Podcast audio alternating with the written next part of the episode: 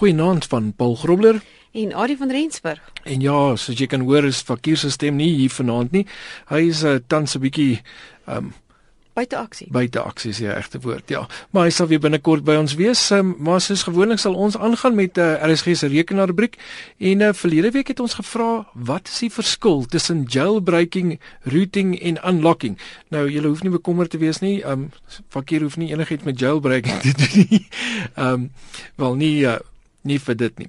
Nou ja, Kom ons kyk na wat is jailbreaking. Begin daarmee. Nou, dis al die hierdie is meer terme wat ouens gebruik veral in die mobiele industrie as ek ja, nie reg nee, is. So tipies selfone. Dis te doen met selfone, ja. Ja, so baie ouens wat daar buite is, het nou al gehoor dalk 'n term en dan dink hulle, ja, nee, daai ou is verskriklik onwettig want hy het nou jailbreaking op sy foon gedoen.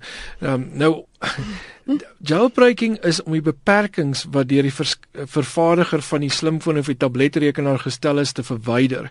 Nou 'n voorbeeld hiervan is byvoorbeeld Apple se iOS toestelle, soos byvoorbeeld die iPhone en die iPad wat op uh, beperkings ingebou het sodat jou derde party sagteware nie daarop geïnstalleer mag word nie. So dis basies hulle dis 'n veiligheidsmaatreël aan die een kant, hulle maak seker dat daar nie enigiets op hulle toestelle gesit word ja. wat ehm um, dit En hulle ja, hulle verseker ook dat hulle goed gebruik word, né? Natuurlik, ja. Ek wil maak seker hulle goed word gebruik en ehm um, dit dit gaan net maar meer daaroor is my is is my opinie.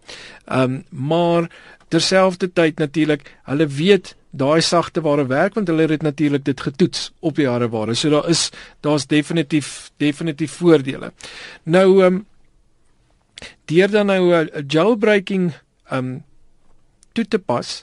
Ehm um, soos ek nou gesê het voor het baie mense die persepsie dat dit uh, gepaard gaan met sagte ware roof uh, doeleindes. En dis nie noodwendig die geval nie. Soos enigiets daar buite maar, ja, mens kan dinge reg of verkeerd gebruik. Ehm um, maar dikwels jailbreak mense 'n rekenaar byvoorbeeld ag 'n rekenaar is 'n selfoon byvoorbeeld bloot eenvoudig om wettige sag, sagte ware daarop te installeer, maar wat nie noodwendig deur Apple verskaf word nie. Ehm um, byvoorbeeld 'n ander webblaaier of e-pos sagteware ensovoorts. Ja, nog 'n ding wat mense baie oorwonder is as jy dit nou gedoen het op jou op jou iPhone. Hmm. Ehm um, kan jy dan nog steeds met iTunes, jy kan nog steeds al die normale Apple programme gebruik. Die ding is net jy het nou jou eie ekstra bygevoeg. Dis reg ja. Die so daar is natuurlik nou die die hele aspek van ehm um, hulle noem dit of jy nou ek dink ek is nie seker oor al die wettige aspekte nie maar ek is ek dink amper as jy as jy dan kies om jou foon te jailbreak dan verval jy waarborg as ek dit mis het. Ja, ja. So dit is natuurlik goed wat jy in ag moet neem en dis natuurlik hoe elke maatskappy homself beskerm ook. So neem dit maar net in ag. Ehm um, dat jou waarborg wel sal verval maar net dis soos maar met enige toestel daar buite. As jy 'n sekere hmm. ding doen op 'n ander manier as wat hulle voorstel dan verval jou waarborg onmiddellik. Dis nou maar jy sal jy sal onthou met overclocking was dit altyd die geval. Ja met die rekenaars ja. As jy as jy probeer om jou prosesseerder te overclock dan verval die waarborg. Nou ja. So jailbreaking is natuurlik nie net op die Apple van toepassing nie. Um, natuurlik het Microsoft se RT stelsel ook jou um, toegelaat of laat hulle jou toe om Microsoft te, se net Microsoft programme te gebruik. So natuurlik deur dit se jailbreak maak jy jou um mm. dit natuurlik oop vir meer. Um dan natuurlik ook Android toestelle laat mense toe om derde partye sagteware te gebruik. So jy het nie regtig nodig met 'n Android om hom te jailbreak nie, mm -mm. maar daar's 'n ander term wat uh, spesifiek gebruik word vir by Androids byvoorbeeld. Maar indien jailbreaking op 'n Windows RT toestel gedoen word, moet jy in gedagte hou dat enige sagteware toepassing daarop gebruik kan word nie, maar slegs programme wat die ARM prosesseerder ehm um, gebruik. Ja, soos jy gewone as jy gewone tafeltoprekenaar het, moet jy nie dink jy kan jy kan nou die die die RT tablet nou gaan jailbreak en jy kan jou gewone programme nie. Daai ja. programme ja. kan jy net gebruik op dit as dit wel as daar 'n weergawe is wat vir die ARM prosesseerder ja. uh weet Ja, want die argitektuur ja. die argitektuur van natuurlik van hierdie prosesseerders is anders. So die manier hoe hulle hulle inligting verwerk is anders. Mm. So dis nou om te beweer sagte ware net hardop wat dood eenvoudig. Dis nie gemaak daarvoor nie. Mm. Ehm um, dit dit gaan nie werk nie. Dit maak nie saak of jy dit nou jailbreak of dit nie jailbreak nie. Ehm um, so neem dit maar net ook dan nou in ag. Aan die ander kant het ons uh, natuurlik dan nou die tweede ene is routing. Uh, nou hierdie laat my altyd dink aan 'n tandarts en dis nie 'n goeie ding nie. maar hierso het dit daarom nou niks met dit uit uh, te doen nie. Dit het nou wel te doen met um, jy kan uh, deur uh, routing te gebruik kry kry jy toegang tot die root van die toestel. Nou root is nie regtig 'n term wat baie mense ken in veral as jy in die in die Microsoft of in die Windows omgewing werk nie. Nou, dis hmm. dis meer 'n 'n term vir vir Linux en hmm. Unix en en van die ander bedryfstelsels. Um en root was nou maar dis jou jou hoof, dis jou jou amper jou super user, jou soos in Windows jou administrateur, jou um, ja.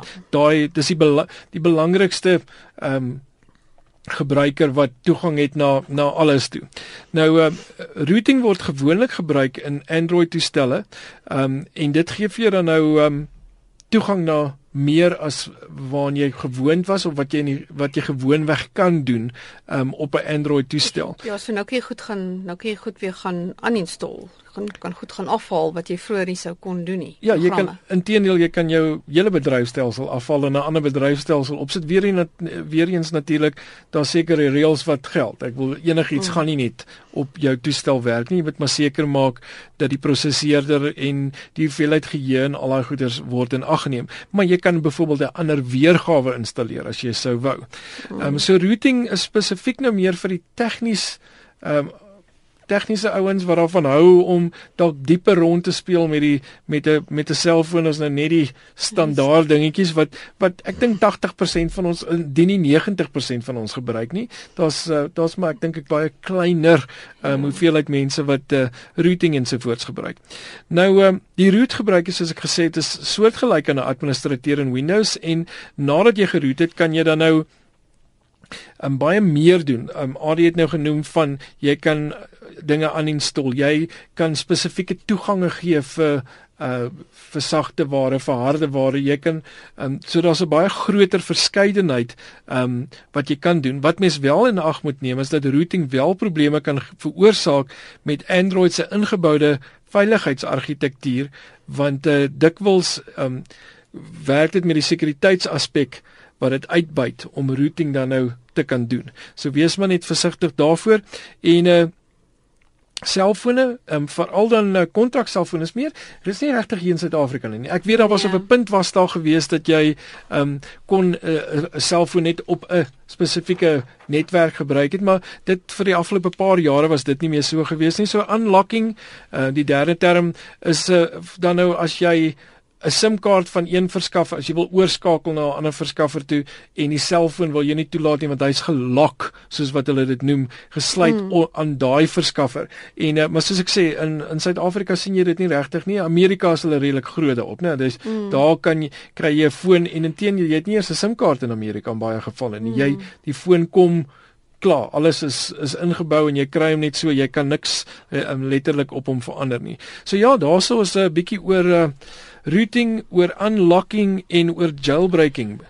Ja, nou um gaan lees meer hieroor by um how to geek www.howtogeek.com en dan weer 'n keer is dit nou 'n lang webwerf naam en dan is daar ook 'n webwerf by www.androidpit.com uh skynstreep jailbreak koppelteken uh jailbreak koppelteken android. Nou ja, dit kan jy natuurlik by ons webwerf kry by rsg.co.za. Kyk net onder Chala tyd by die um RSG rekenaar rubriek of natuurlik deel met ons inligting stuur vir ons 'n e-pos na rekenaar by rsg.co.za. En al die so vinnig gou, um Johan het vir ons uh, ook uh 'n boodskap gestuur. Ja, hy het vir ons ja, uiteindelik die webwerf gestuur ook. Ehm um, hy het gesê daar's baie valse toepassings vir Android wat wat wat wat, wat problematies is. Mhm.